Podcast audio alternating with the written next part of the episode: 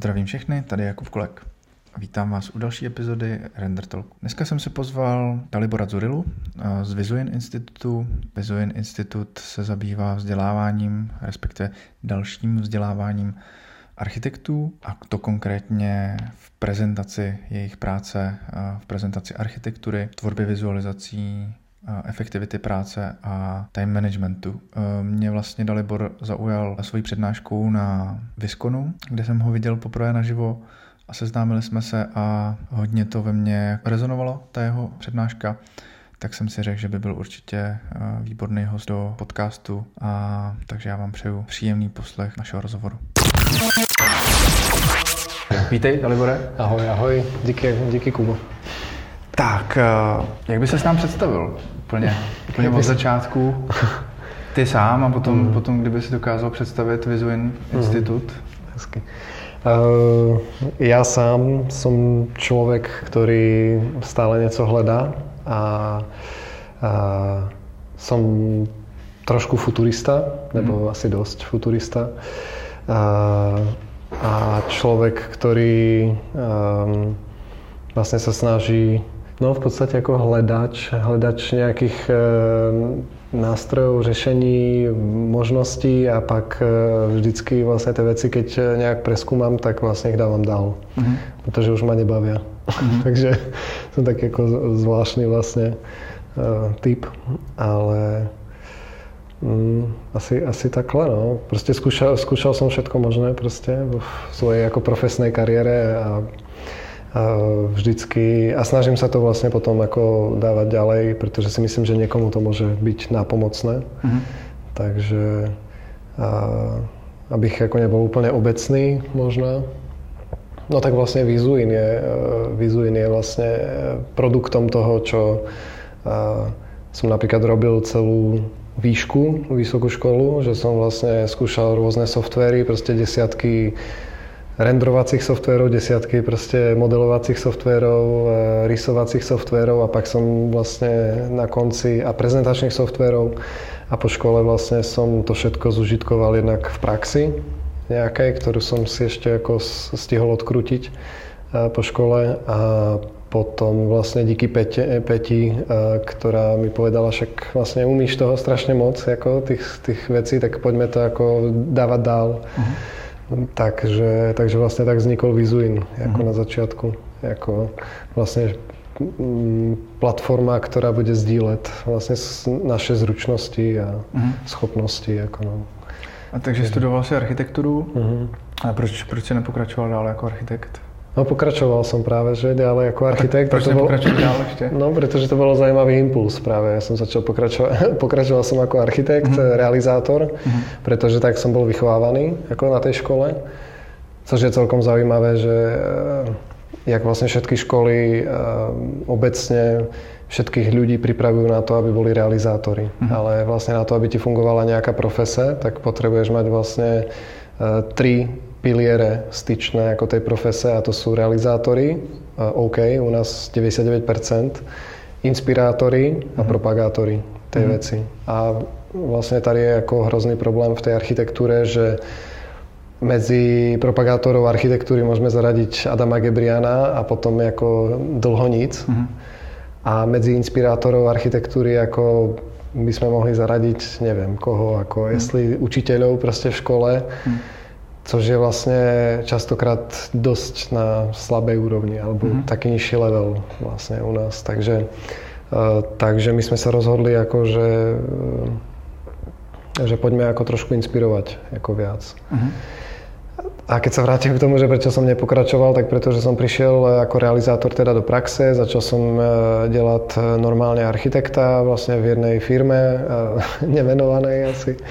A, a v podstate e, tam za dva roky, ktoré som tam bol, tak vlastne som zistil, že e, vlastne mm, som v práci od rána do večera, že nemám možnosť ako žiť svoj ako osobný život, že vlastne som si nevedel predstaviť, ak to bude ako ďalej, keď som mhm. videl svojich kolegov, ktorí majú proste 45 a podobne a, a nemajú nemajú rodiny, tak mi to prišlo ako, že to je drsné docela hej, a že musíš obetovať ako ten život tej architektúre.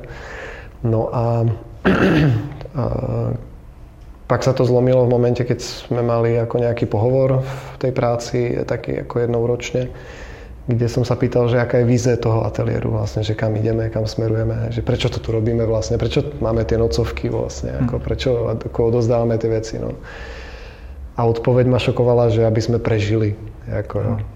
Takže, takže a, a ja som si hovoril, však to je ako strašne málo, ako aby hm. sme len prežili, že to by malo mať ako nejakú ako vízi alebo proste naplňať niečo, hej, nejaké ako, že tá architektúra by mala byť povolanie.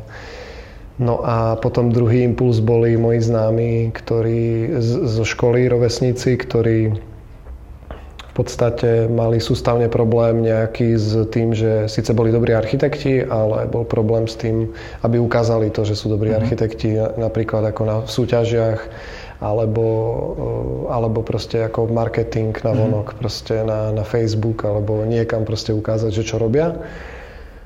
A všetci vlastne, všetci architekti ukazujú väčšinou, že robia od eh, interiéru a od štúdie až, a od územného rozhodnutia až po a, autorský dozor, a, realizačný projekt a niektorí až po územné plány. Hmm. To sú pojmy, ktorým vlastne nikto nerozumie ako z lajkov a, a, a vlastne všetci sa tak radia akoby do jednej, do jednej lajny v podstate. Hej. Že takisto ako nejdeš vlastne do nejakej reštiky, poviem italskej a nebudeš tam ich prosiť smažak alebo nejakú mm-hmm. čínu. Hej? Mm-hmm. Což vlastne väčšinou ako architekti takhle ako robia, že vlastne ukazujú celé spektrum, že my dokážeme robiť všetko mm-hmm. a nikto neukazuje vlastne tú svoju špecifickosť. Mm-hmm. A všetci sa boja nejakej e, konkurence, což vlastne mne prišlo, že ako to je úplne zbytočné sa báť nejakej konkurence, pretože keď každý je ako sám sebou, tak uh, a prezentuje to, že vlastne v tomto je dobrý a toto miluje, tak vlastne e, presne tento typ klientov k nemu chodí potom. Mm-hmm. Takže, takže som si povedal, že e, práve s Peťou, že asi lepšie bude a viac budeme prínosní pre tento svet, keď, e, nebudeme len ako, keď nezaložíme len realizačné štúdio a že budeme ďalej ako spolu, ja neviem, klikať projekty, a robiť pár klientov ro, ročne ako šťastných a spokojných, ale že ako skúsime proste pomôcť viacerým architektom a viacero architektov nastaviť ako ten mindset, že môžu byť unikátni, skvelí, môžu sa perfektne prezentovať a môžu tým pádom robiť tú skvelú architektúru a že by sa mohlo pri troške šťastia zmeniť e, architektonické podnebie nielen mm. v Čechách, na Slovensku a treba aj celosvetovo. Mm. Ako, takže, takže takhle jako story vlastně.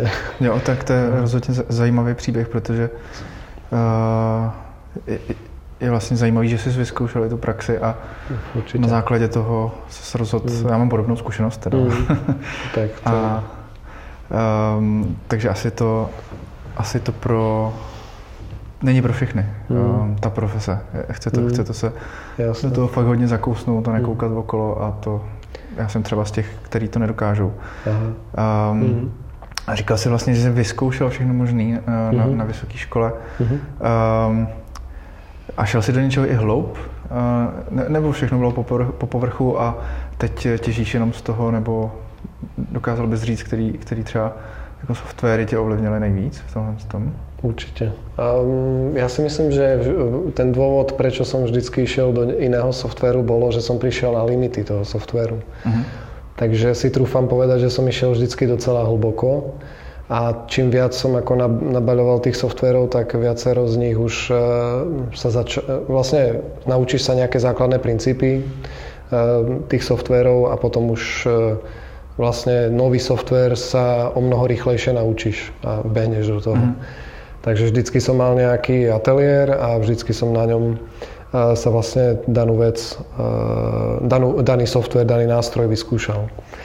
No a vlastne v Bratislave, keď som študoval, to, je, to bolo FASTU v Bratislave, tak tam som stihol za tie 4 roky bakalárskeho štúdia urobiť 14 projektov asi.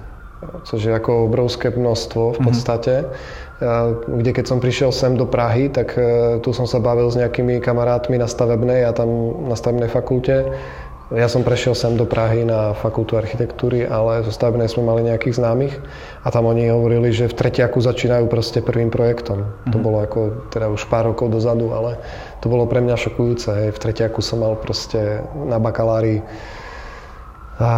šiestý projekt ako za sebou, hej. Mm. Pretože sme robili vlastne o mnoho viac malých zadaní, ktoré ako nám ako umožňovali drillovať tú architektúru a tudíž vlastne aj skúšať rôzne prístupy a nebať sa toho, že urobíš chybu. Takže, no a takže z tých, z tých softverov vlastne, s ktorými som, ktoré ma určite ovplyvnili, tak e, bol SketchUp uh-huh. na začiatku. To je ako každý architekt e, síce nad tým, alebo v škole, to je zaujímavé, že v škole nad tým ako všetci ofrňujú uh-huh. nos, že to je ako hrozne blbý, jednoduchý, e, ja neviem, aký debilný software, primitívny a že svazuje a podobne.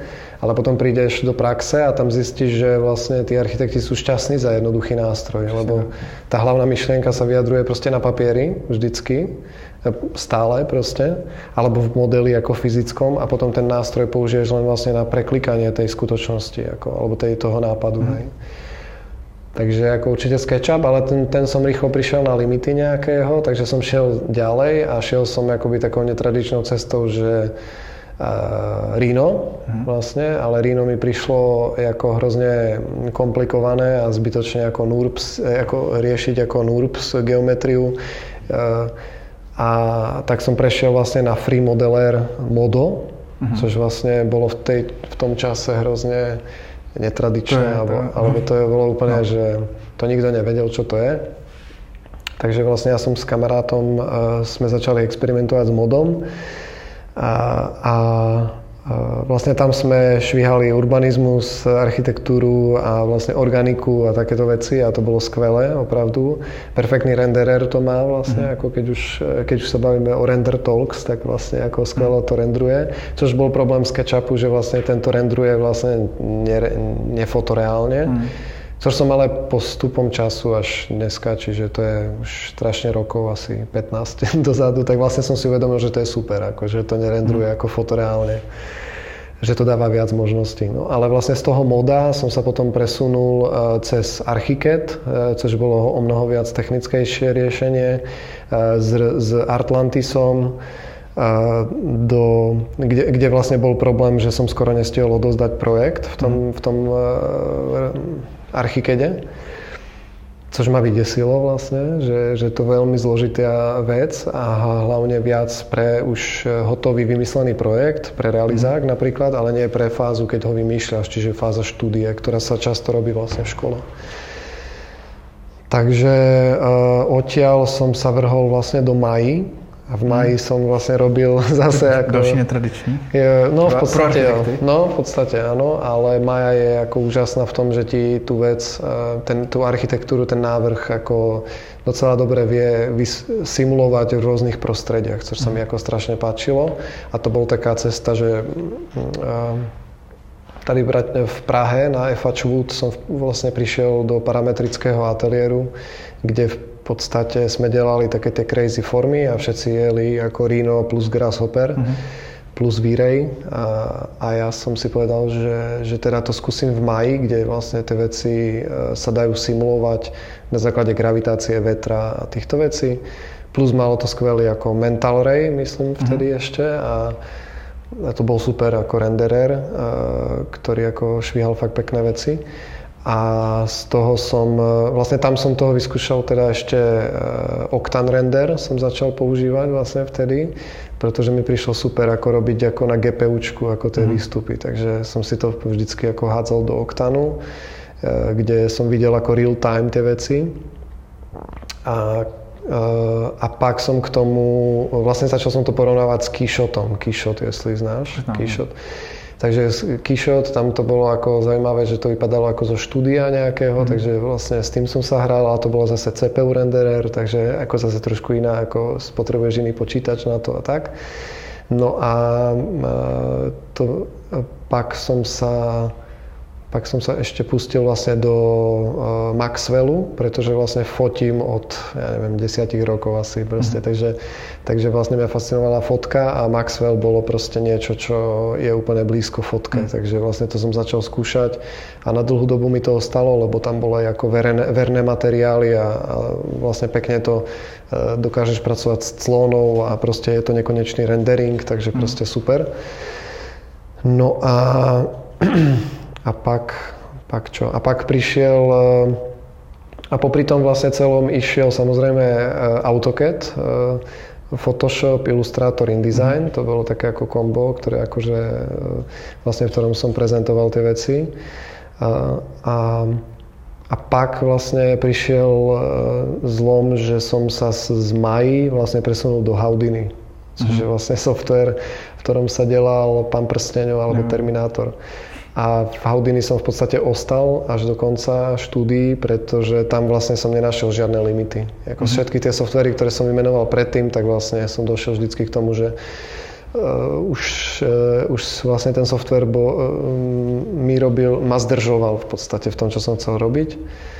Príkladom môže byť, ako som da, taký, robil som urbanizmus, napríklad v Maji, ktorý som simuloval na základe fluidov, čiže som mal dva konta- som mal 5 kontajnerov fluidov, plynov, ktoré som nasimuloval, nastavil paramet- parametrovo tak, aby to simulovalo občianskú vybavenosť, cesty, zeleň, obytnú vybavenosť a tie plyny som nechal relaxovať v tom území a na základe toho, kde sa vyrelaxovali, tak vlastne mm. som Uh, som vlastne vytváral urbanizmus. Mm. Hej. Ale tam bol obrovský problém, že v tej maji ako nešlo interagovať medzi tými jednotlivými kontajnermi tých plynov, tých, tých voxelov. Takže takže som vlastne sa takže som, sa povedal, som si povedal, OK, musí byť niečo ako lepšie, čo ako dokáže, čo dokáže tohle simulovať, takže som hľadal, našiel som Houdini a tam proste tam to je pecka, proste tam jde všechno, takže... Jsem slyšel, že je to fakt eh, program s nekonečnými možnostmi. Přesně, přesně, no. Um, takže asi takhle jako stručná historie programů, no, moja. Stručná, ale hodně široká.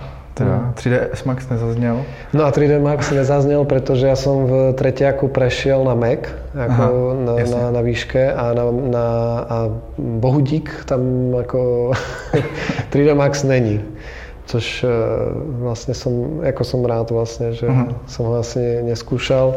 Ako medzi, okolo, okolo mojich eh, známych proste som videl, jak robia v Maxe a, a s akými problémami sa potýkajú a asi som to ako nepotreboval skúšať na sebe úplne. Uh-huh. A takisto ma obišiel V-Ray, eh, což uh-huh. musím povedať, že m, mm, pretože vlastne V-Ray na, na Mac dlho nebol a vlastne až teraz ale vlastne ja som medzi tým už proste vyskúšal x ďalších ako renderov, ktoré mi prišli eh, v pohode ako užitočné proste um, robiť eh, ako vlastne do toho procesu toho vizualizačného, keď, keď poviem, že, že som mal také štádium, kde som opravdu všetky veci potreboval hyperreálne zobraziť, tak proste uh, Maxwell alebo, alebo ten keyshot e, vlastne bol, alebo nejaký mental ray, mm. alebo vo, v mode proste som naprosto dosahoval super výsledky a hodne rýchlo. Mm. V mode je vlastne mantra a to je super tiež. A, v, a potom vlastne vo Houdini, e, teraz už neviem, jak sa volá ten renderer. F-Storm?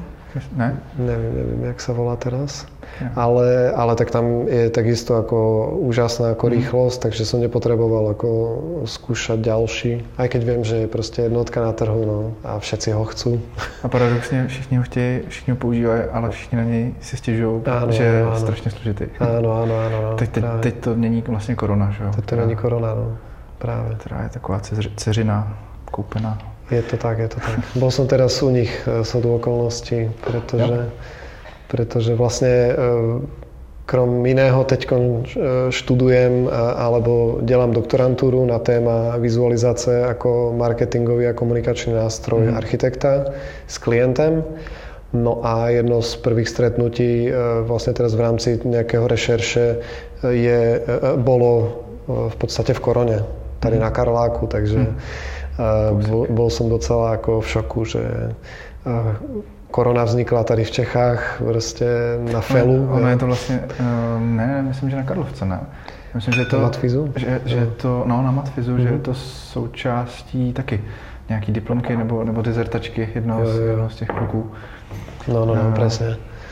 Tak, tak super, máš lepšie informácie. Hej, ale myslím, že takhle nejak to hovoril, ale teraz už, sa, už to delajú ne, aj s felákmi nejakými ďalšími a že vlastne uh, mm, neviem, jak sa volá, Ivan, nebo ten jeden zo še, z troch mhm. šéfov, tak vlastne učí, takisto je vedúci nejakých doktorandov, s ktorými ďalej na tom pracujú mhm. takisto, alebo ten, s tým softverom narábajú ďalej aj na, školskom, na školskej púde. Hmm. Takže ako, ako zaujímavé, no. Takže verím, že tam niečo ako z toho vznikne, nejaká spolupráca, hm. pretože majú ako husté, husté projekty no, a jo. zaujímavé plány proste. Nahlídnul si pod pokličku trošku. Nahlídnul jo. som pod pokličku. Já si tam s nima taky mindblowing. Domluvit, domluvit rozhovor, takže... To, to si určite domluv, to je ako pecka, no proste, takže vymýšľajú rôzne veci a skôr im ako asi budeme pomáhať trošku s, tej, s tou rovinou uh, tej spolupráce, že tá korona pre architektov, mm. tá poloha vlastne, že kde by tu, ju jo. architekti privítali mhm. vlastne. Mm. No. Takže... Um, takže tak. Dobře, uh, ten, ta tvoje um, práce doktorská, mm-hmm. to mě zaujalo, mm-hmm. uh, protože je to vlastně téma, který mě taky zajímá hodně. Mm-hmm. A, um, Můžeš o tom říct něco, něco víc, jestli už, už máš třeba eh, ně, ně, nějaký konkrétnější téma, nebo si teprve začal? Určite, ako síce na škole som začal, ale 6 rokov to robím profesne tady mm. vo, Vizu, vo Vizuin, takže uh, určite uh, už som dávno začal vlastne a teraz je skôr, to beriem ako čas uh, takého uzavretia alebo nejakého popísania vlastne tejto problematiky.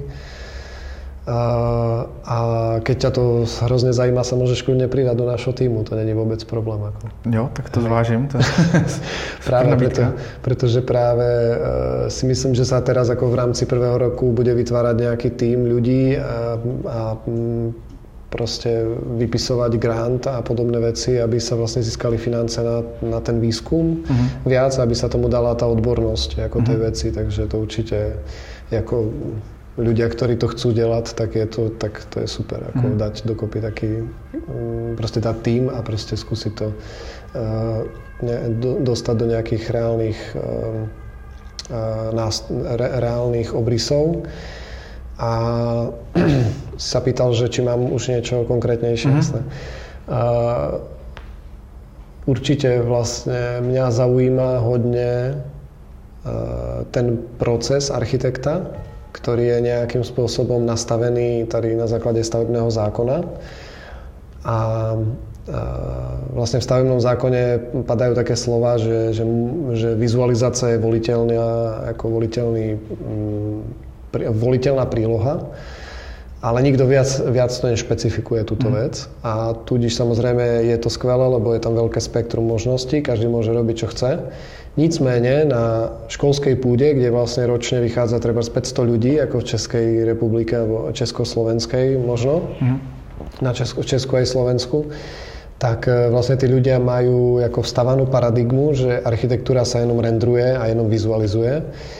A vlastne v tomto v, to, v tejto závislosti pak ponocujú, pak vlastne e, všetci, čo robia to ináč, tak vlastne sa hejtujú navzájom, že ako mm-hmm. predsa ja viem, jak sa to robí a ty nevieš, jak sa to robí. E, a, um, a vlastne strácajú, a vlastne, e, ako, čo ešte som chcel povedať, a vlastne niekto musí to zaplatiť, aj tú vec. A väčšinou to je akože ten klient. Mm-hmm.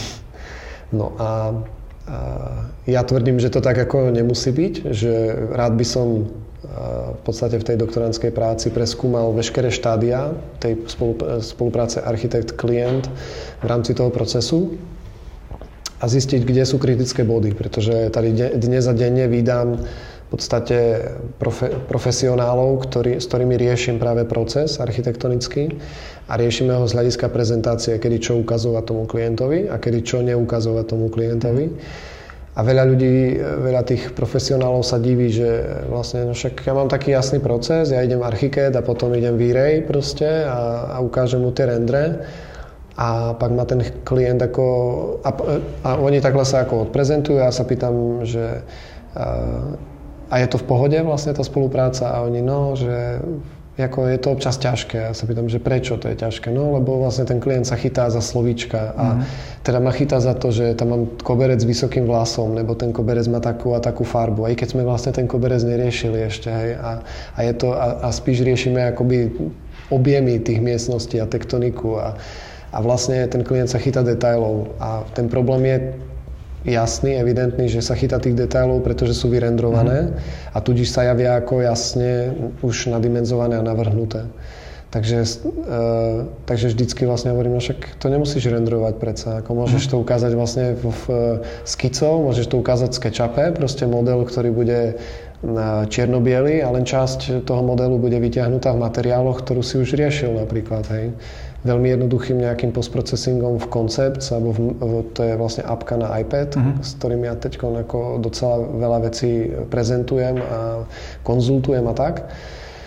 A, alebo vo Photoshope proste to prejde, že máš za 15 minút hotovú výzošku proste. Nemusíš uh-huh. ako to riešiť ako šíleným nastavovaním ako materiálov a výreju a, a, po, a tak ďalej. To je, je to věc, se kterou jsem se u pár svých klientů taky setkal. No. Že vlastně ve finále jsem jim to konzultoval um, do té míry, že, hmm. že se rozhodli, že to dělat nebudou, protože hmm. je to kontraproduktivní. Oni ukážou hodně detailně nějakou věc, která ale potlačí to, o co v ten daný okamžik toho projektu jde ukázat třeba atmosféru nebo ten prostor, jak jsi říkal. Presne, presne, no. A to, to si myslím, že je docela zásadní. Presne no. tak. Presne tak. Vlastne keby som sa vrátil ešte na, začiatko, na začiatok e, Vizuinu, že e, začali sme učiť softvery ako hard skills, čiže zručnosti, mm. pretože sme zistili, že je obrovská absencia týchto prezentačných softverov. Ale vlastne za 6 rokov sme sa samozrejme vyvinuli do podoby takej, že dneska vlastne spíš koordinujeme tú prezentáciu, ako mm. tých e, firiem, profikov, študentov klidne ale vlastne v zásade architektonických projektov alebo projektov, ktoré riešia nejak prostredie, krajinárov, urbanistov, čokoľvek vlastne. Mm. No a um, čo je vlastne naj, najčastejší problém je, že, že ľudia si to, architekti si to strašne radi komplikujú, takže z toho vychádza to, že všetci radi používame hrozne komplikované programy a hrozne komplikovane ten proces ako mm. prežívame a deláme. Mm. A tudíž vlastne máme hrozne komplikovaný život a ponocujeme a podobne. Jo, takže Takže všetko s tým súvisí a, a my vlastne sa snažíme len hovoriť ako delejte to jednoduše, delejte to agilne takzvané, takže rozdeľujte si tie veci a ten, e, OK, keď proste chcete rendrovať, tak si rendrujte, ale nechávajte si to na fáze, keď je všetko už rozmyslené, čiže na záver toho projektu napríklad a nie vlastne na tie priebežné konzultácie, hej, kedy vlastne ten klient potrebuje vidieť obrázok, alebo vlastne na základe pôdorysu sa napríklad nedokáže rozhodnúť, lebo to nemá žiadne emócie pre ňoho ale architekti si nedokážu predstaviť, aký iný obrázok by mu ukázali, pretože sú zvyknutí len to robiť takhle ako mm-hmm. komplikovane. Jo. Takže tam prichádza do hry ten SketchUp, ktorý je vlastne celý čas na škole ľuďom vtlkaný ako primitívny program, ktorý musia neznášať a mhm. nepoužívať. Takže potom v praxi sa ho samozrejme boja používať zase. Takže jediné, čo zostáva, e, čo môžu používať je e, Revit e, nebo Archicad, proste ako BIM riešenie a z toho si to poslať do Lumionu nebo do Vireje, pretože to je jediné riešenie, mhm. ktoré je tady akceptované. Jo, a to je proste ten veľký mhm. bullshit, ktorý proste sa snažíme tady ako nabúravať a nastavovať ten mindset tým ľuďom, aby proste videli, že predsa môžete to robiť jednoduše a efektívne mm-hmm. proste. No. Takže... Jo, mně se líbilo to, jak jsi zmiňoval uh, vlastně iPad uh, jako, uh-huh. jako dobrý nástroj pro, uh-huh. pro tuhle fázi uh, uh-huh. komunikace s klientem, protože taky jsem to doporučoval. Jo. Um, vlastně je to, ale je to zase takový, takový návrat k té rukodělnosti, uh-huh. i když v digitální podobě uh, té kresby, uh-huh. uh, tak vlastně ten proces Uh, určitě ta prv, prvotní skice, prvotní nápad vznikne na papíře, potom se to vymodeluje v tom 3D, v tom nejjednodušším, v tom SketchUpu klidně. Uh-huh a pak uh, si to hodíš, uh, hodíš si to do iPadu? ať už do, do Photoshopu nebo do Procreate, čokoliv, co tam, uh, co tam máš a můžeš přesto udělat skicu. Jo, jo. ten model tě vede a uděláš poměrně kreativní a skicu s nějakou náladou nebo s nějakou mm. emocí. No. Mm. Takže uh, to je možná na zvážení pro, uh, pro architekty si neinvestovat místo, místo 40 tisíc do počítače. do, do počítače nebo do softwaru uh, drahýho, tak, tak do, do iPadu, který je hodně efektivní nástroj podle mě. Pro je to tak, no. Akurát si uvedomujem, že architekti samozrejme nie sú, tak jak nie sú rendermeni a renderovači, tak nie sú ani uh, prezentátori, ako mm-hmm. v prvom rade ale potrebujú vlastne tú architektúru nejak navrhnúť a vykresliť niekde. Uh-huh. Takže pokiaľ som architekt e, freelancer, ktorý robí všetko od A po Z, tak e, samozrejme musím mať na to stroj, ktorý ako ma bude živiť a ten iPad je potom ako príjemný bonus, vlastne, mm. kde to môžem tú vec odprezentovať. Hej. A pokud mám ako väčšiu firmu, kde si môžem dovoliť, že manažujem ten projekt a môžem si dovoliť, že niekomu e, zadelegujem, aby to narysoval a niekomu zadelegujem, aby to e, zvizualizoval alebo odprezentoval, tak potom je iPad jednoznačný nástroj, ktorý bych doporučil a mám ako x kamarátov, ktorí e, práve takhle vedú firmu. Proste, mm. že jenom je, je ich jediný nástroj je proste iPad Pro s Apple Pencil a proste a proste jedou ten výskum, ten, ten, to celé vedenie skrz to. Hmm. Jo. Takže, takže rozhodně. Hmm.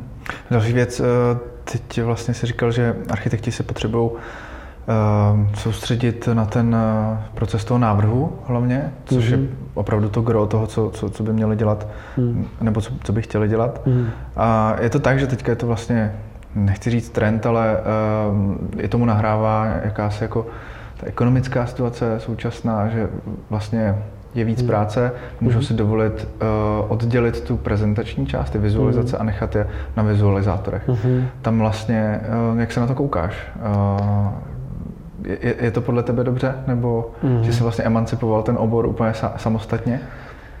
Jako, myslím si, že uh, to je zase ako dôležité, hej, že kedy vlastne to delegujem mm. na mhm. tých vizualizátorov.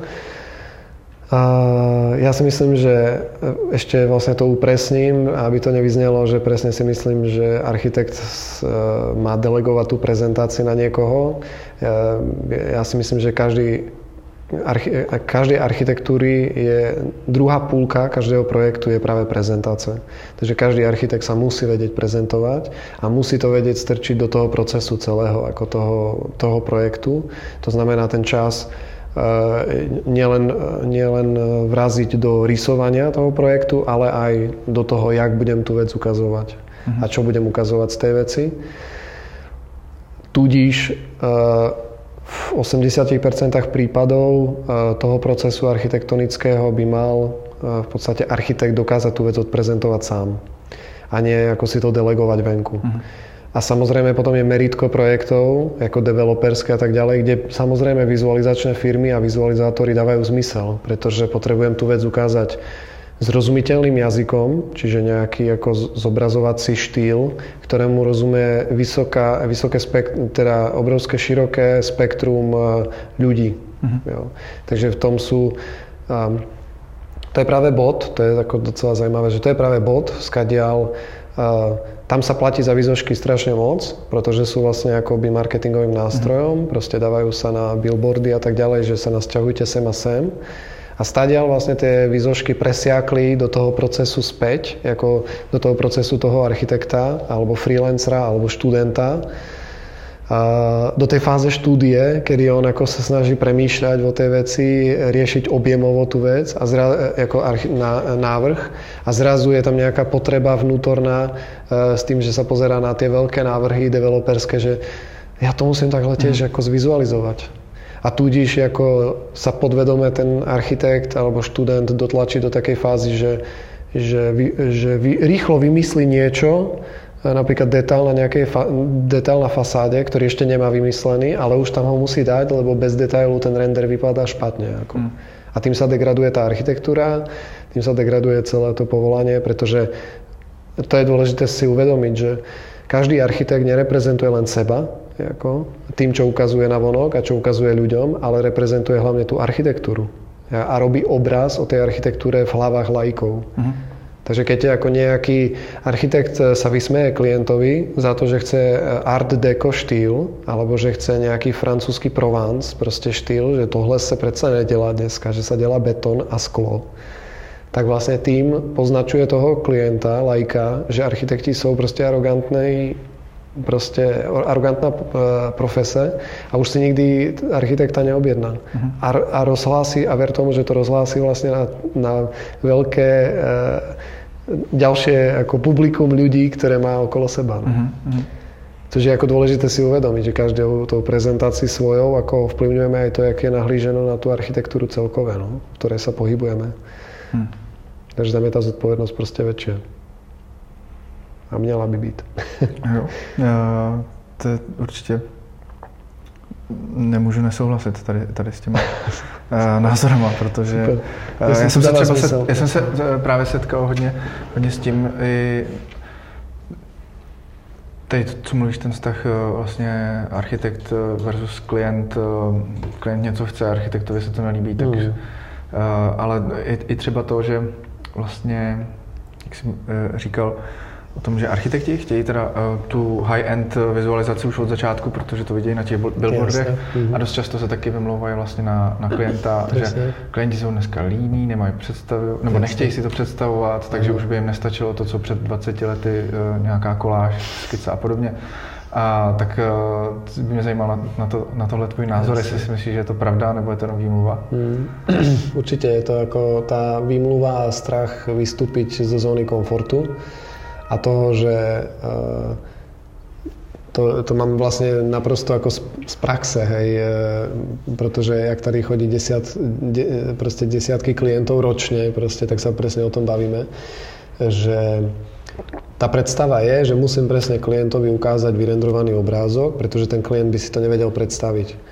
A skutočnosť je taká, že, že tomu, klient, tomu Počkaj, jak som to vlastne... Jo, že uh, keď ja sa dostanem do, uh, do toho cyklu, že vždycky si myslím, že musím ukázať ako vyrendrovanú vec proste tomu klientovi, tak vlastne si nabaľujem na seba určitý typ klientov, ktorí to tak chcú. Uh-huh. A v podstate uh, prezentácia v skutočnosti nie je na to, aby ti ako pritiahla klientov, ale aby odradila klientov, ktorých nechceš. Uh-huh. A tudíž, keď e, sa vlastne začneš špatne prezentovať, nebo začneš využívať proces, ktorý ťa ako štve, tak v podstate štve ťa tá profese. Takže si proste ako zapšklý, si proste hnusný na tých klientov, musíš to ešte rendrovať po nociach a podobne, takže ťa to nebaví proste celé. A ešte ten klient ako ofrňuje nos a ešte ti bude hovoriť, že ako sa mu nepáči to svetlo a podobne. Mm-hmm. Čiže vlastne sami si ako robíme proste peklo z našeho povolania.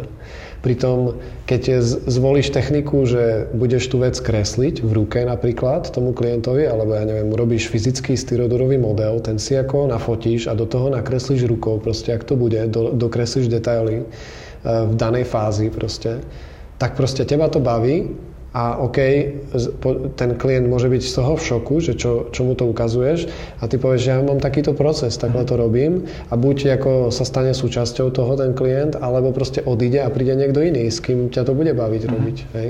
Čiže tá prezentácia je presne o tom, že postupne ti vyfiltruje klientov a klientelu, s ktorou chceš robiť práve. Takže, a to je krásne na tom práve. Uh-huh. To je pravda, to si málo kdo uvědomuje a no, ve finále ukazuje úplně všechno, co udělal.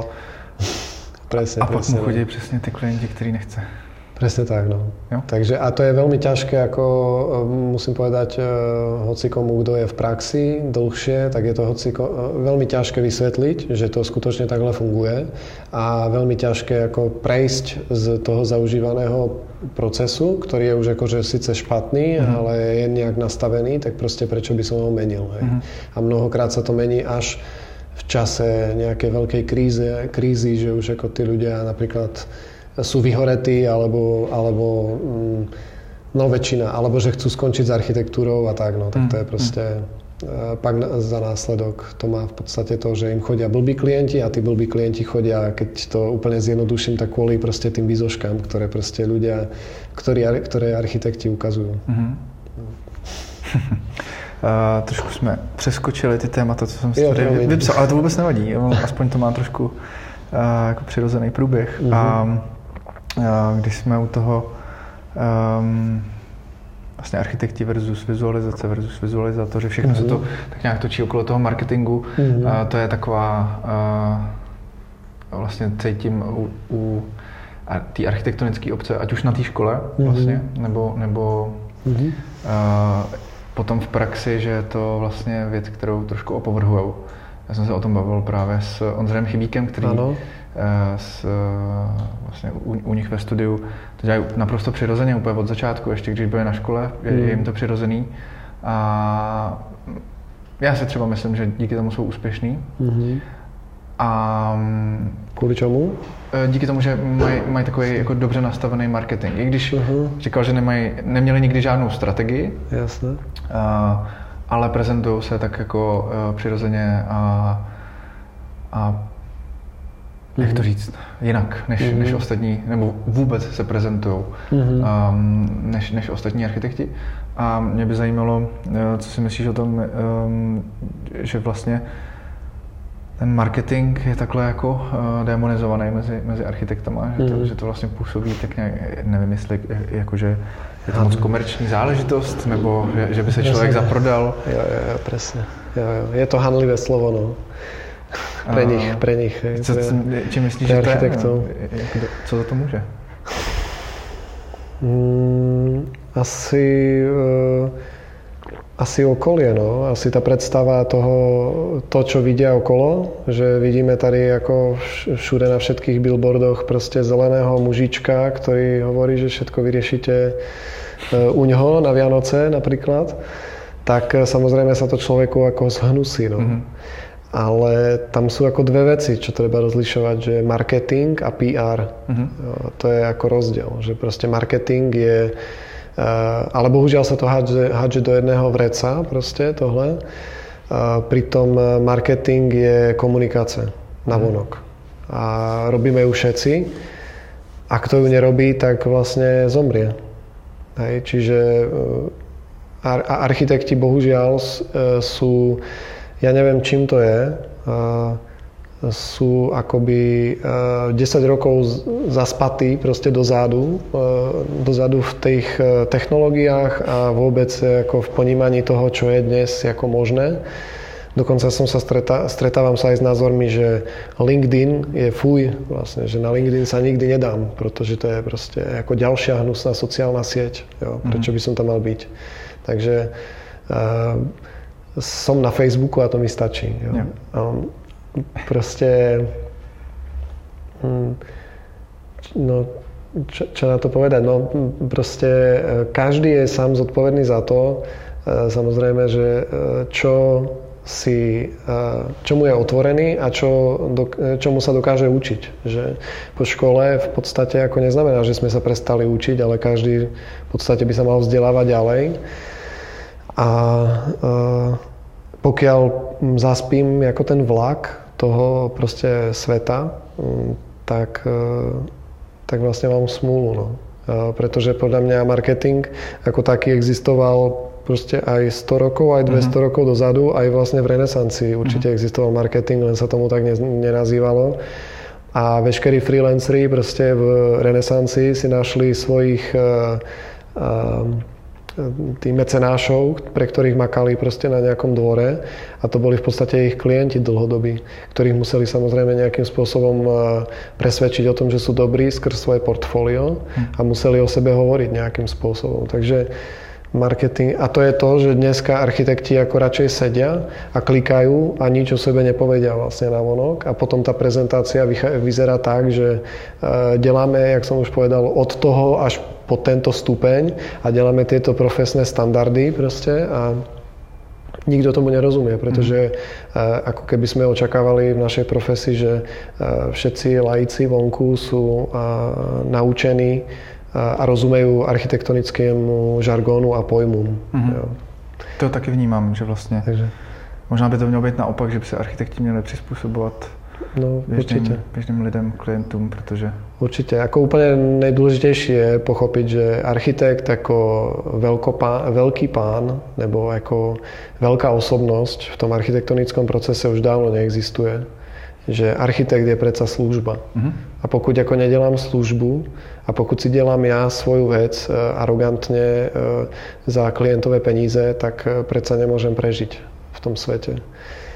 Takže Sice to hovorím takhle proste na drsňáka, proste je mi to ľúto, lebo ja som takisto architekt a proste ma to štve, preto delám, co delám, že vo Vizuin ako pomáhame práve s tou prezentácií e, ľuďom, ale napriek tomu sme vnímaní ako špatne mm. občas, pretože si všetci myslia, že my deláme ako hnusné výzošky, nebo že deláme, e, ako fušujeme do niečoho, čomu nerozumieme.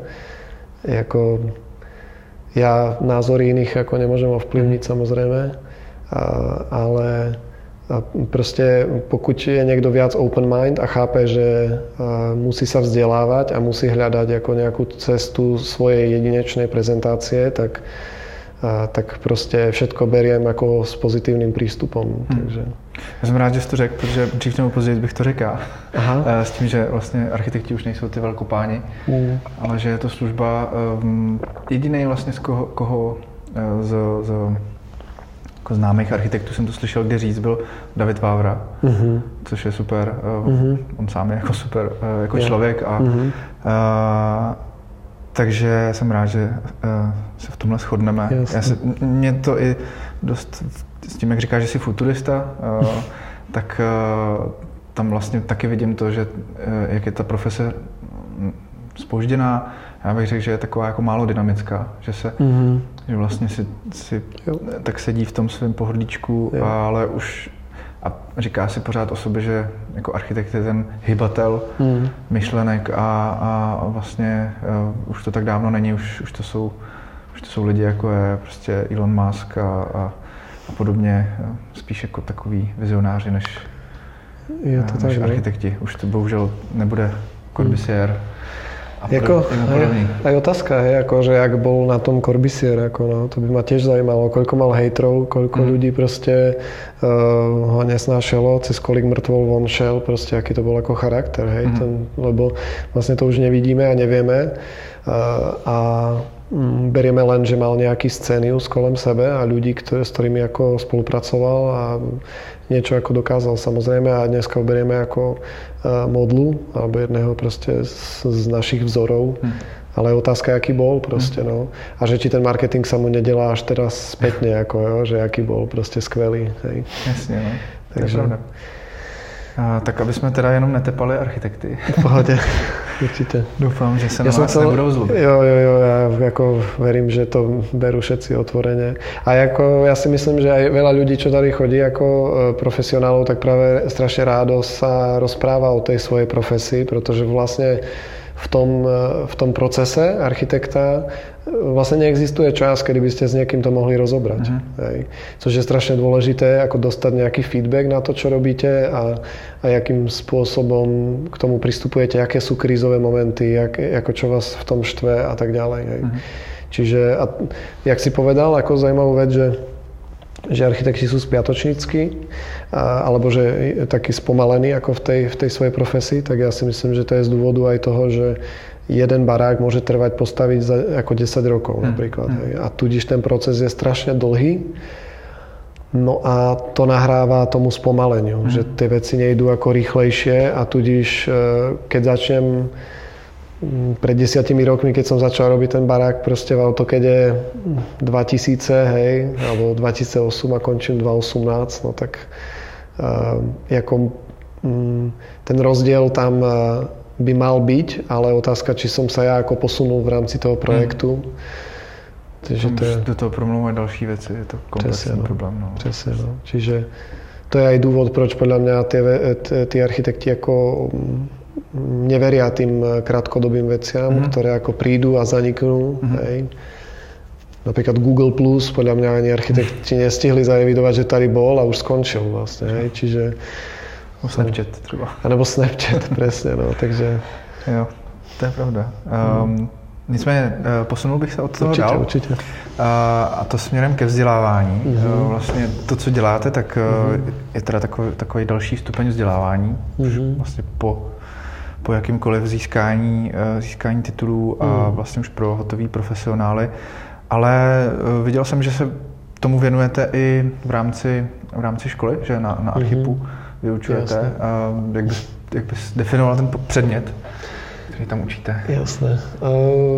No, spolupracujeme aj so školami. Ja si myslím, že to je dané tým vekom, že už vlastne máme ako 6 rokov vlastne mm. ten Vizuin, takže ako postupne, ak starneme, tak sa dostávame ku zaujímavejším projektom.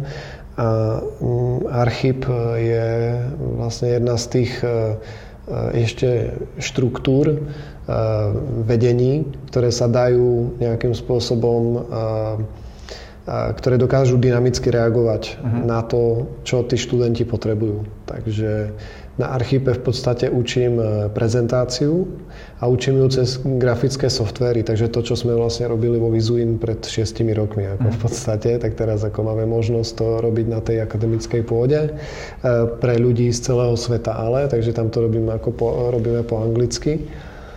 A, a a je to, jak vlastne hovorím, tam ako prišla tá potreba sama od seba, že, že prezentácia je druhá púlka toho projektu. Takže vlastne, a samozrejme, tam bol dôležitý moment, že si nepovedali, že no tak koho tady máme na našej škole, kto by mohol učiť grafickú prezentáciu a nevybrali ľudí, ktorí vedú ako grafické softvery nebo proste nejakú teda tú počítačovú uh, techniku a povedali im, vy budete učiť tady ako, grafi- ako prezentáciu. Čiže tam je to vedenie proste osvietené uh-huh. a, a povedali si, OK, poďme hľadať, kto sa tomu venuje a dajme im ako toho profika. O tom je vlastne tá škola, ten archív. A, takže som šťastný, že sa obratili akoby na nás vlastne v tejto veci.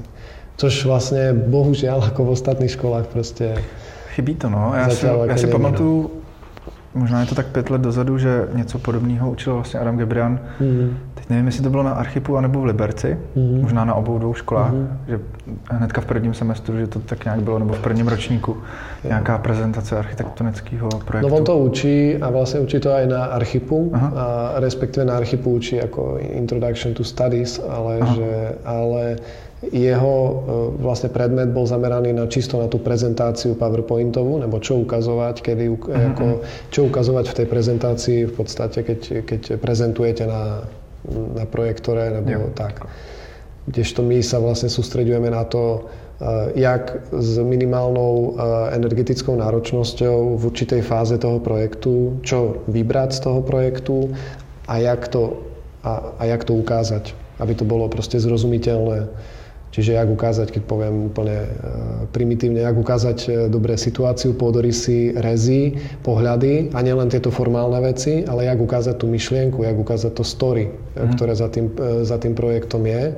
A to je tá, to je tá vyšší divčí a to je tá šťáva, tá emócia toho projektu, mm. ktorá vlastne sa stráca díky tomu, že jasné, musíme, mám checklist, musím ukázať situačku, d, d, d, d, d, d, d, hej ale vlastne zapomína sa na to, že e, tam je predsa nejaký, ako niečo som rád v tom projekte, niečo mám rád predsa v tom projekte a to tam mm. není vidieť, mm. hej, častokrát. A nebo e, odprezentujem to formálne a potom rozprávam o nejakej veci, ktorú na tých poustroch nemám. A rozprávam o niečom proste, čo je tam za rohom. Mm. Jo, to, to ma úplne fascinuje často. A pak je druhá rovina samozrejme ako veľkosti fontov, zladenie farieb, e, vôbec ako príprava na tisk, e, kvalita tých vecí a tak ďalej. A to je samozrejme to je taká ako nadstavba, ale čo nás zaujíma je ten obsah vlastne toho a tá stratégia, jak nedať len tie formálne obrázky za sebou, ale pridať k tomu proste tú osobnosť toho mm. človeka, ktorý to prezentuje. Mm. Takže... Se mi vybavuje vlastně z tvojí přednášky na, na, Vis, na Viskonu mm-hmm. uh, ten úryvek eh, z toho, z Black Mirror, Aha. Eh, z té epizody. Aha. Já jsem se na to potom koukal Aha. a, a to, to, to byl super point. Aha. Jakoby ta epizoda je vlastně o něčem jiném, jo, jo. to mě překvapilo, Jasne. a, ale taky zajímavý téma. Jo, jo. Ale ten, ten point tom, v tom úryvku, hmm. to bylo přesně, přesně ještě, ještě jak tam je, hmm. ještě jak tam je jako v opozitu to, že ta technologie jí vlastně nějak nepřekvapuje tu, tu Přesně tak, uh, no ženu, ale, ale spíš to, že tam je ona, vytváří to v ní tu emoci, to je přesný. Hmm, hmm. To už a... je ta profesionálna deformácia, vieš, že keď koukám na seriál večer, tak vlastne síce som unavený, ale koukám na to a to je, pre, to je presne ono, ako to je vlastne zvizualizovanie tej našej problematiky, ako, mm-hmm. no, takže to je... A, a čím si myslíš, že, že je způsobený to, že vlastně na, na těch školách uh, se neučí něco takhle vlastně uh, úplně základního uh, pro, pro úspěch potom v té profesi samotný? Mm-hmm. Mm, no, a ještě možná, jestli jasný. si myslíš, že se to zlepšuje nějakým způsobem, že se to někam posunuje, že třeba, protože jezdíte po školách, tak jestli nejste jako je. misionáři, kteří tam roznášejí. Věrozvěstci. Vě, věrozvěstci, no, no. A určitě, začnem od konca, určitě se to zlepšuje. Sú na všetkých školách v podstate, čo sledujem, tak je tam tendence učiť nejakým spôsobom prezentáciu. A my si to berieme tak trošku za, uh, za náš počin, že, že, to, že to tie školy tak trošku kopírujú ako od nás. Hmm. A čo sme ako rádi vlastne vo výsledku, že vzniká tá, tá vedomá poptávka a vedomá potreba tých ľudí, že také niečo musia uh, ovládať. Na druhú stranu uh, tá problematika je o mnoho širšia alebo ten problém vôbec. A to preto, lebo na tých školách ich to učia stále tí istí ľudia, tí architekti, ktorí vlastne sú v oblasti prezentácie laici, si mm-hmm. dovolím povedať. Pretože proste ja sám som bol ako laik v prezentácii, dokiaľ som ako nevenoval tomu proste 10 tisícky hodín na úkor toho, aby som riešil architektonické projekty, ktoré oni riešia samozrejme. Ako všetci, všetci nejakým spôsobom riešia architektonické projekty, takže vlastne sú perfektní v tom procese, v tom navrhovaní, vo, v detailoch, v materiáloch, dodávateľoch a tak ďalej. Super proste. Hej.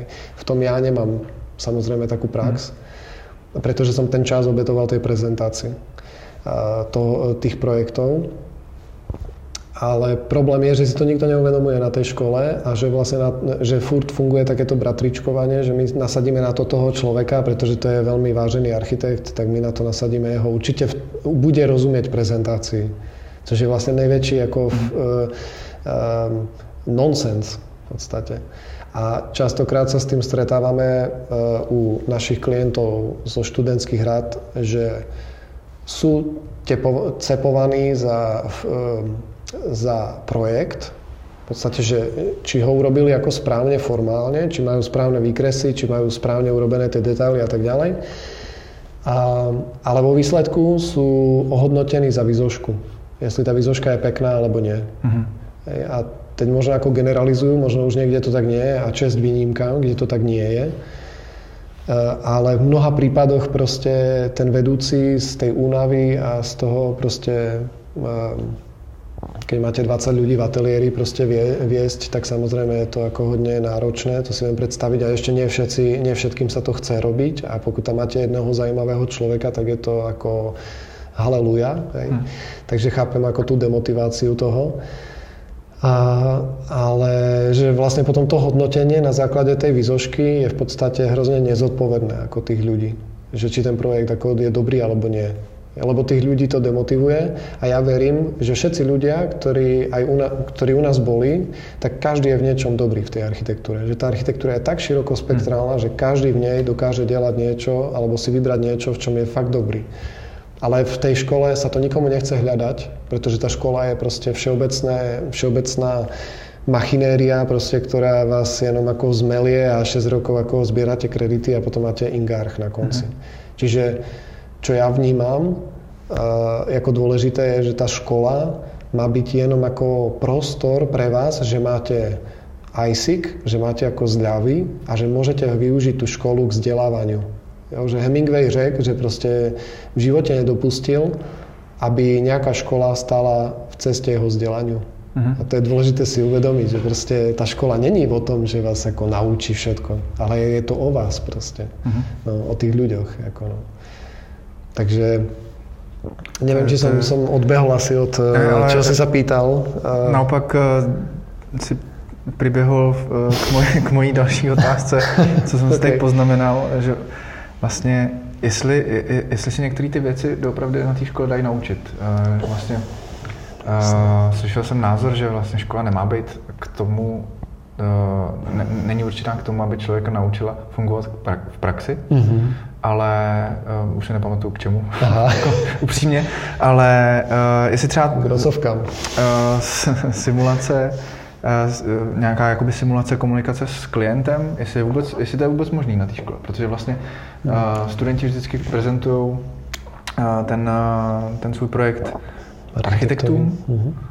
A tam je, tam je ten pohled naprosto odlišný od těch uh-huh. klientů, to už jsme se bavili. Takže uh-huh. jestli je vůbec možnost, jak se na to připravit? No, Samozrejme je, ako, ale to by muselo to vedenie, nebo ten človek, ktorý vás učí tej prezentácii, tak by musel mať určité know-how a vysvetliť vám, o čom je vlastne to, na čo ten klient reaguje. Mm-hmm. A tudíž potom ako to e, s vami skúšať a práve na tej škole by mal byť ten drill. E, tá škola, čo by mala priniesť, je drill. Lebo vlastne každá profese a každá vec, ktorú e, študujete, není o talente, ale o, ako o talente z 10% sa hovorí, alebo možno hmm. ešte aj menej. A 90% je o drille. Takže proste čím viac krát urobím fuck up na ateliéri, alebo čím viac ateliérov odkrútim a dotiahnem to do výsledku, tak, uh, uh, tak to by mi mala dať do praxe. A, a do praxe by mi mala dať... Ďal, no, to je vlastne to, čo v podstate mi dala do praxe uh, EFA STU v Bratislave neviem, jak je to tady vlastne bakalárske štúdium v Čechách alebo v Prahe, ale e, keď chodia k nám ako rôzni ľudia, tak vidím, že nemakajú toľko, jak sme makali my mm. kedysi, což ma ako mrzí, lebo vlastne ja som bol vždycky ako na 110% zapálený vlastne do toho ateliéru. Což sa mi vlastne páčilo e, vlastne na Archipe, pretože na Archipe je kostra postavená na ateliéri a všetko ostatné sa napája na ten ateliér. Hmm. Takže sa neučíte blbosti kolem dokola, ale všetko sa učíte k tomu, aby vám to pomohlo nejak s ateliérom. I, I matematika, i deskriptíva je vlastne riešená na základe vašeho ateliéru, což je proste super. To je super. Takže v tom vidím ako uh, uh, progres v tom štúdiu, nebo v, tej, v tom vzdelání ako archi, v architektúre, ale na veľkých školách to není možné v podstate, lebo tam majú ako iný akreditačný systém, milión ústavov, proste je ťažké domluviť sa s ľuďmi, ktorí majú XY titulov a myslia si, že to tak musí byť, jak to vymysleli oni.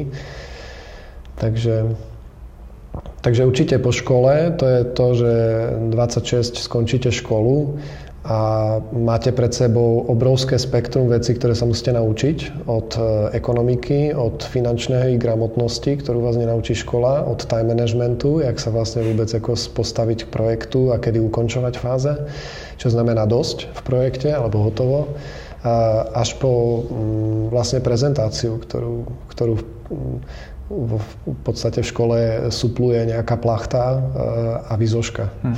Jo což není prezentácia vo výsledku. Hmm. Jako, takže, takže určite to, tá, tá škola, no, to je, to je otázka. Ako, tá škola vám dá proste formálne vzdelanie e, v tej, e, v tej profesii a je na vás, čo s tým ako ďalej urobíte. No. hmm Čiže dá ten ako basic a na ňom môžete staviať, samozrejme. No.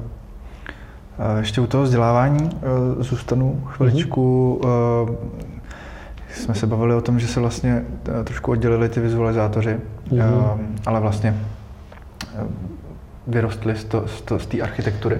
Mm. Tak jestli si myslíš, že je cesta nějaká toho, uh, protože myslím si, že je docela velký procento lidí, uh, kteří studovali architekturu a potom dělal, dělají uh, vlastně architektonické vizualizace, živí se tím, ale mm-hmm. v tom případě pro ně uh, vlastně ten čas na té škole strávený, nechci říct úplně jako plítvání časem, ale není to úplně stoprocentně využitý, mm-hmm. tak jestli si myslíš, a zároveň ta nabídka, jak jsi říkal, tam není taková, aby si člověk řekl, teď půjdu do kurzu tady 3D Maxu a teď se fakt naučím úplně skvěle, nebo, mm-hmm. nebo čehokoliv jiného. Jasné. Uh, jestli si myslíš, že je nějaká cesta uh, nebo možnost, že se uh, ten obor oddělí i uh, v mhm. té mm-hmm. akademické rovině. Nemusí to být asi úplně vysoká škola, ale nebo, nebo ne úplně magisterský studium. Jasne, akože v tej výzoške, mm-hmm. vizualizátore. Tak e, ja neviem, možno už je to aj oddelené, myslím dokonca na strednej, že už existuje nejaká multimediálna tvorba vlastne mm. na strednej, kde sa prezent, alebo dokonca aj na VŠE, ako myslím, že už je taký mm. obor, že sa študuje ako nejaká digitálna tam, grafika. Něco tam je takového, no. Ale tam je to ešte spojený s tou ekonomikou. Tím ekonomikou, no, no. no. Mm, tam je, no to je, ja si myslím, že to je dobré, že tú vizualizáciu, akoby CG art, hej, robia ľudia, ktorí majú preto tú vášeň. že oni sa tak ako vykryštalizujú tí ľudia a na škole sa takisto vykryštalizujú študenti, ktorých viac baví tá vizuálna časť ako ten architektonický proces, což je ako správne asi. A jestli je tam toľko obsahu, ktorý, sa, ktorý by vystačil na nejaké osnovy, mm, v tej asi ako je, no, asi je. Ale všetko to je naučiteľné asi popri niečomu. Jako to je vlastne ťaž, ako ťažká, ale aj dobrá, dobrý dotaz, no. Jestli také niečo si viem predstaviť ako vzdelávacia nebo formálne štúdium, no.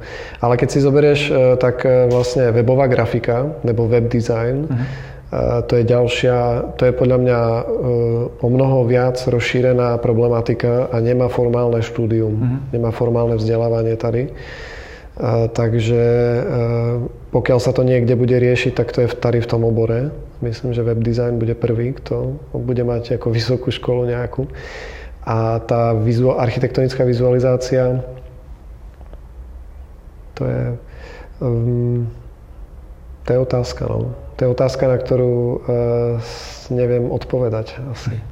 Že, že dneska to robíme všetci popri, popri tej škole, mm. všetci to robia popri škole. E, rýchlosť technológií je taká, že už e, nestíhame vnímať, jak sa to ako vyvíja. Takže a vôbec ako chytiť, e, chytiť ten vlak je ako skoro, potom ako, skoro nemožné, keď niekto ako nevie, čo je rendering e, a, ešte, a teraz by chcel ako ešte robiť vo virtuálnej realite niečo, tak je to ča, častokrát proste veľký problém, lebo nemáš tie základy, mm. ktoré ako ti to umožňujú byť v tom potom skvelý a posunúť sa ďalej.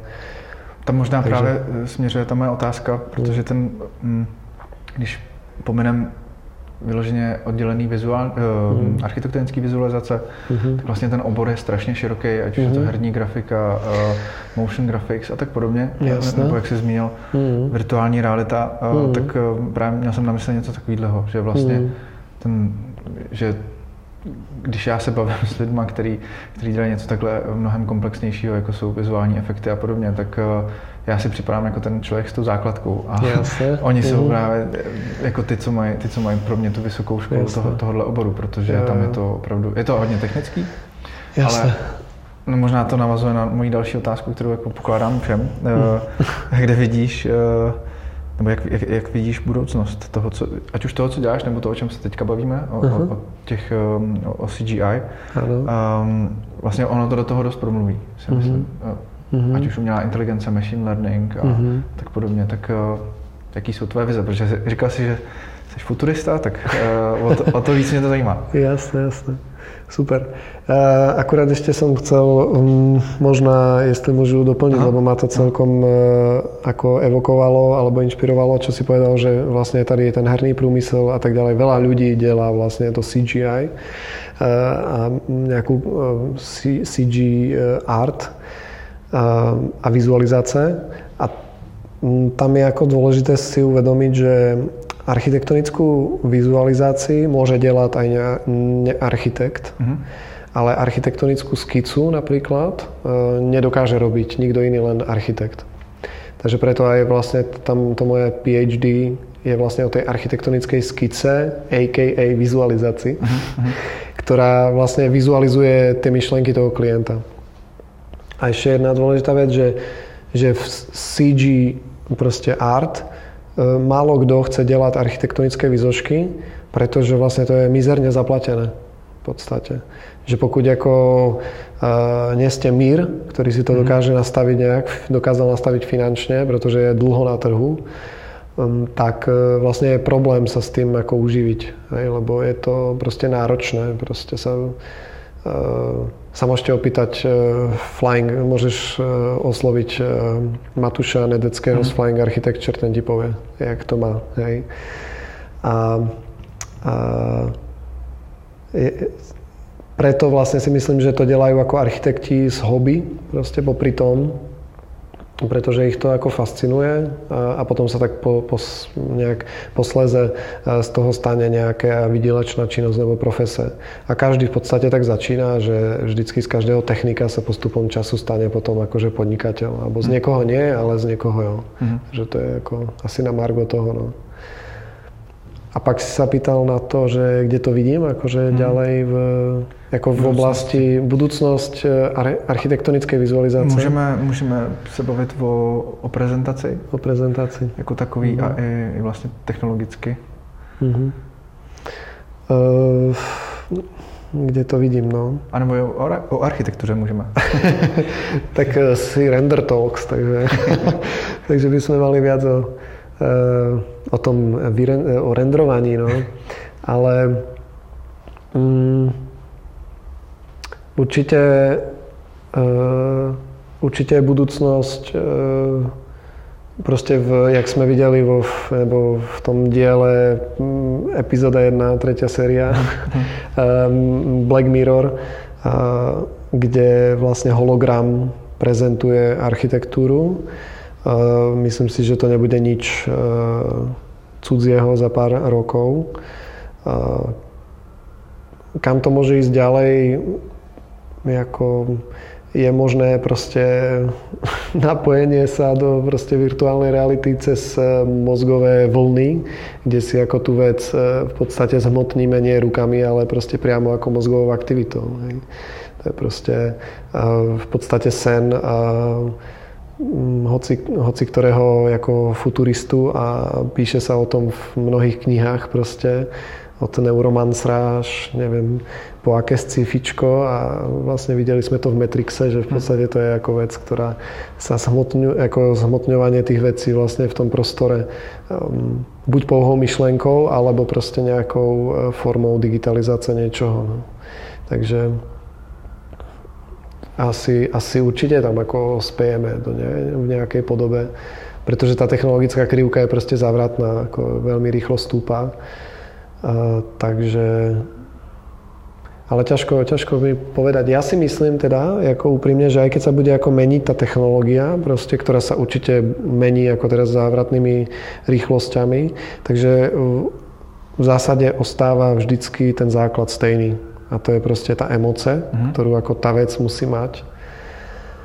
A ako je jedno, s jakým ako nástrojom futuristickým alebo spiatočníckým to ukazujete. Aj keby som zobral kamen na stenu, chcel vyriť niečo, tak to, tak to musí vlastne korešpondovať s nejakou, nejakou potrebou toho klienta alebo touhou toho klienta a to musím vlastne sa snažiť zobraziť. Uh-huh. Jo, pokud to tam ako nedám a pokud len si myslím, že uh, tú vizualizácii utiahnem technológiou, tak, uh, tak, sem na, tak je to špatné uvažovanie, lebo to nikdy neutiahnem. Uh-huh.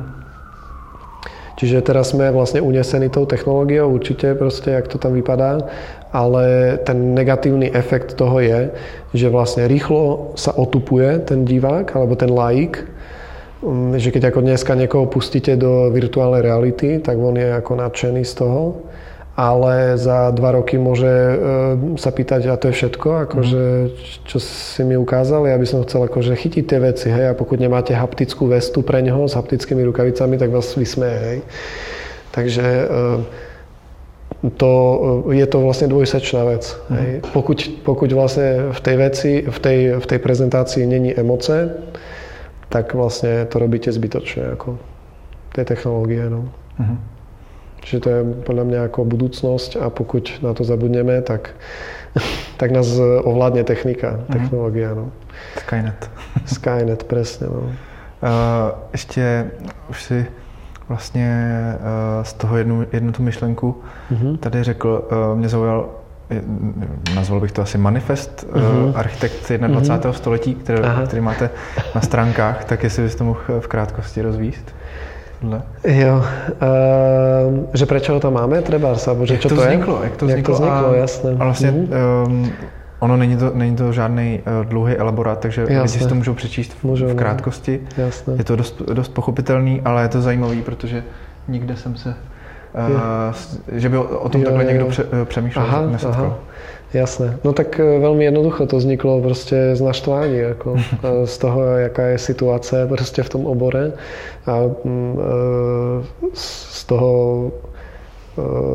jaké, jaké neduhy v podstate architekt má, jaké ho sprevádzajú v tom, v tom obore.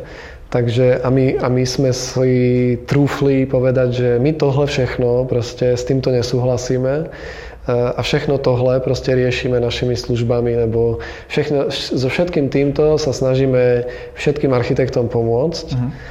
A, a samozrejme, ako za to by sme radi byli nejak odmenení, takže ako to je ako, samozrejme ten náš e, biznis plán ale e, tam je ako zhmotnenie proste tých, e, tých našich traumát, problémov, a ktoré si myslíme, že by správny architekt nemal mať. Mm-hmm. A na tom vlastne aj staviame všetky naše služby a chceli by sme to v podstate e, naša prezentácia je veľký problém a veľký otáznik, pretože vlastne sa, sa ju snažíme e, pořád meniť pretože vidím, že nie je ako dobrá a že proste by to chcelo ako o mnoho, o mnoho lepšie. Aby to, to sme sa bavili na výskunu, že? Práve, no. Že, že, ako byla. Přesne, chodí bosa, no. A to sme my úplne ten príklad.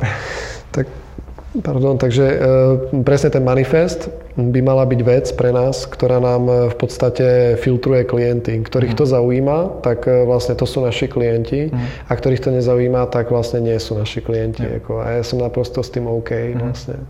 Pretože každý môže mať nejaký iný názor. Ale tie veci vychádzajú proste zo základných princípov fungovania človeka. A ja si stále ešte teda verím, že aj architekt je človek. Aj keď to málo kedy tak vyzerá, ale stále tomu verím. No. Nesetkáváte se eh, třeba s tím, že eh, architekti občas, pokud člověk není architekt, tak se od něj nenechají nic říct, nějak jakoby poradit, ty teda mm-hmm. architekci samozřejmě, ale no. ne teda praktikující, takže mm-hmm. v tu chvíli už ztrácíš trošku pro ně možná kredit. Nesetkáváš se s tím?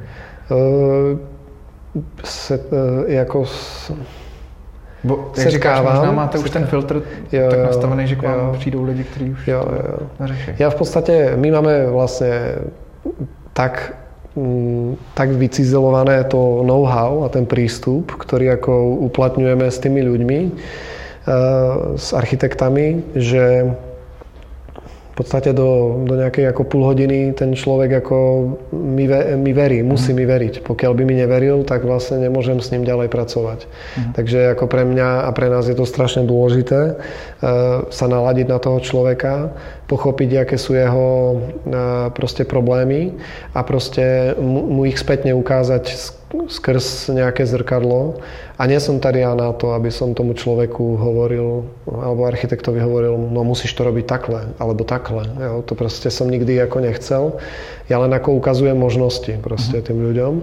A pokiaľ ide o nejaký ako osobný audit alebo zmapovanie toho, jak funguje daný architekt alebo profík, tak vlastne tam robím maximum, čo, čo dokážem so svojím spektrom možností, ktoré, ktoré ovládam díky tomu, čo som všetko ako preskúmal. Takže dokážem vlastne tomu, ehm, tomu profíkovi pomôcť e, mu povedať, že no tak keď máš taký a, daný, taký a taký proces a vidíš tady v tom chybu, alebo tady vidíš ako nejaký kritický moment, tak čo keby si to urobil týmto spôsobom a skúsime to vlastne uh, overiť, evaluovať v podstate, jestli to funguje alebo nie. Mm-hmm. A v 90% to funguje, takže my si potom povieme yes, je to, mm-hmm. je to ako funguje to opravdu. A potom vlastne e, tenhle postup aplikujeme na ďalších a ďalších a ďalších, takže my získavame ako praktické overenia tých vecí, že opravdu ako uh, uh, naše, uh, naše rady, jak fungovať v otázke prezentácie nebo time managementu projektu, nebo proste nástrojov, ktoré použiť k tomu, a čo v obsahu, ktorý ukazovať fungujú. Takže potom ako sa na to nabalujú samozrejme ďalší ľudia, ktorých, ktorí nechcú len ten basic, ale chcú vlastne trochu viac ako od, toho, od tej svojej profese. Mm-hmm. Takže, takže vlastne e, tak, takýmto spôsobom sa to, sa to deje a mm, že či ma ako berú vlastne míň um, adekvátneho im radiť, keď nerobím architektúru, tak to je presne, ako som hovoril, že vlastne ten deň má len ako 24 hodín a vy sa musíte rozhodnúť, hej, čomu budete venovať ten čas. A proste ja sa to snažím vždycky ako tým ľuďom vysvetľovať, že keby som robil architektúru, tak nemám šancu ako vedieť toľko o tej prezentácii, o psychológii, o proste stratégii, o koordinácii tej veci, o time managemente, a ja neviem, čo ešte ďalšie ako agilných stratégiách, ktoré vlastne ako študujem nad rámec ako toho, čo som si priniesol z architektúry. Mm-hmm. Takže vlastne tým, že mám to formálne vzdelanie, mám tu profesnú prax eh, a ďalej sa stretávam s profesionálmi, ktorí proste praktikujú proste architektúru a delajú ju, tak sa stretávam s tými problémami a ja z druhej strany aplikujem na to tie veci, alebo s Peťou aplikujeme tie veci, ktoré eh, si donaštudovávame, pretože vidíme v tom, v iných oboroch vidíme úspešné riešenia na základe týchto te- e, taktik. Uh-huh. Takže to je ako ten, ten princíp. No. Uh-huh. Takže ehm, nad rámec eh, vlastně těch vašich kurzů, který máte asi nějakým způsobem hmm. Ehm, připravený dopředu, se stává i to, že vlastně klienti s vámi potom dál pokračují, už je to něco na míru. Přesně, přesně. Je tady ta možnost. Přesně, že to je ko, znova ko, kovářová kobila chodí bosa, takže my na stránkách nemáme vypsané momentálně žádné konzultace. Aha. Nicméně to je v zásade náš hlavný hlavný nástroj, nebo, nebo jak to povedať, hlavný produkt, ktorý mm. A to je to, že vlastne my tady pod záminkou, to poviem tak ako blbie, že pod záminkou Photoshopu sem priťahneme ľudí, mm. ktorým ale začneme hovoriť o tom, že vlastne o Photoshop vôbec nejde, mm. ale ide o to, jestli ako e, rozumiete tomu, kedy máte ten obrázok ukazovať mm, a jestli rozumiete tomu, čo je prezentácia architektonická a oni väčšinou ako nerozumejú, ale nám sa podarí počas tých 14 hodín ich do toho natchnúť. Takže potom tí ľudia hľadajú u nás samozrejme tú konzul, tie, tie konzultačné služby a vlastne už ideme tou uh, osobnou, uh, osobnou cestou alebo individuálnym plánom. Takže vaše kurzy sú vlastne marketingovým nástrojom. Presne tak. Naše kurzy sú niečo, čo je, uh, čo je vedomá potreba, vnímaná potreba architektov, pretože si myslia, že tohle z toho potrebujú. Keby som si vypsal vlastne výrej pro mhm. architekty, tak by asi taký prišiel nejaký typ klientov. Ale to je otázka, že ja ich asi ako nechcem týchto ľudí mm. vlastne, pretože uh, oni majú iné, inú predstavu. Alebo možno ako rád by som pracoval s týmito ľuďmi, lebo však e, som sa aj na, na, na výskone zoznámil s mnoho ľuďmi, ktorí proste sú skvelí a síce ako rendrujú a podobne, ale vlastne ako ľudsky si proste sadneš ako s nimi. Hej.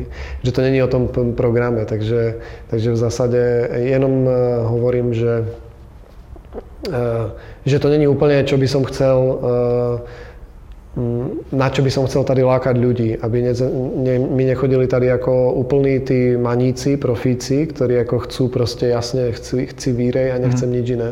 Ale práve preto je tá prezentácia naša postavená tak, jak je, že nám ťahá trošku ľudí, ktorí ako chcú premýšľať o tom, čo mm. robia.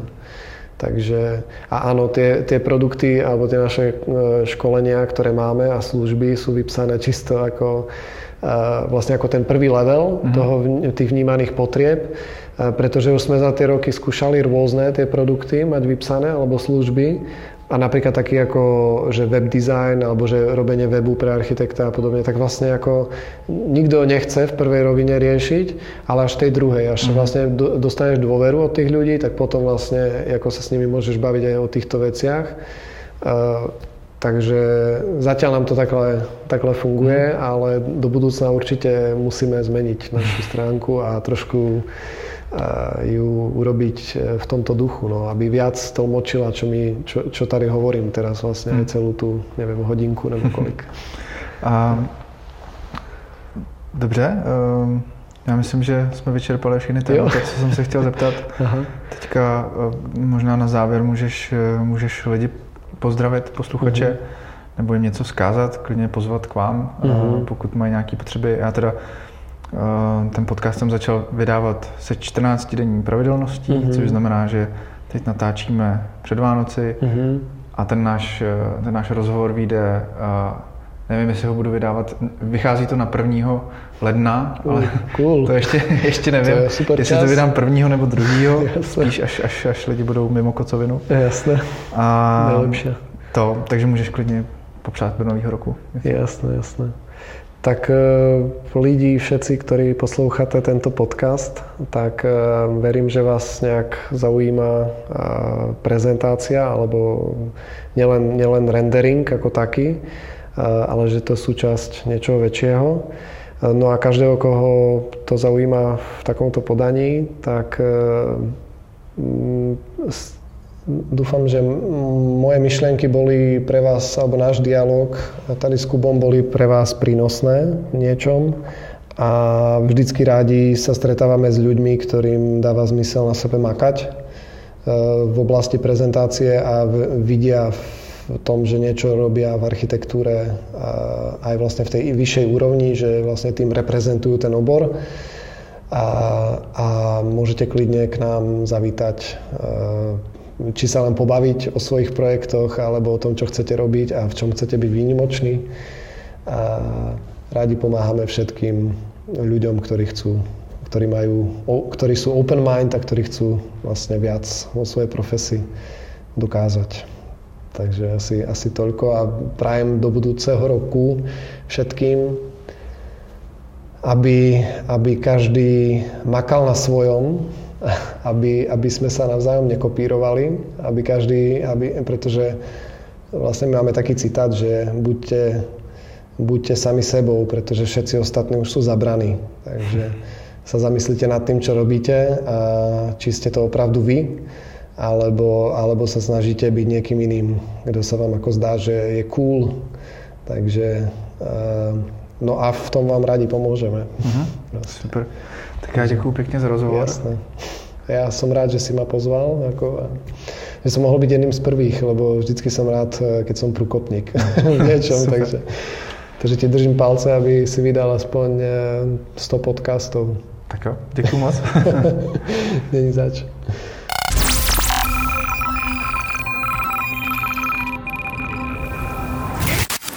Tak to byl Dalibor Zurila.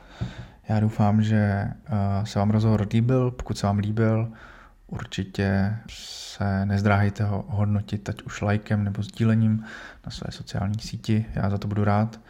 A ještě připomínám, kde můžete podcast sledovat. Je to na Facebooku, facebooková stránka Render Talk podcast, nebo přímo mě sledujte na Instagramu, jmenuji se Jakub Kolek, ještě připomínám. A taky určitě budu rád, když si uh, podcast zaškrtnete jako odběr na, ať už na iTunes, na Spotify nebo na dalších platformách, přes který podcast posloucháte. A vzhledem k tomu, že jsme právě vkročili do nového roku, do roku 2019, tak bych vám strašně rád popřál, abyste v tomhle roce plnili všechno, co chcete a aby se vám dařilo všechno, co vás čeká. Určitě vám uh, přinesu spoustu dalších rozhovorů Hodně se na to těším, mám domluveno spoustu dalších zajímavých hostů. Takže se mějte krásně.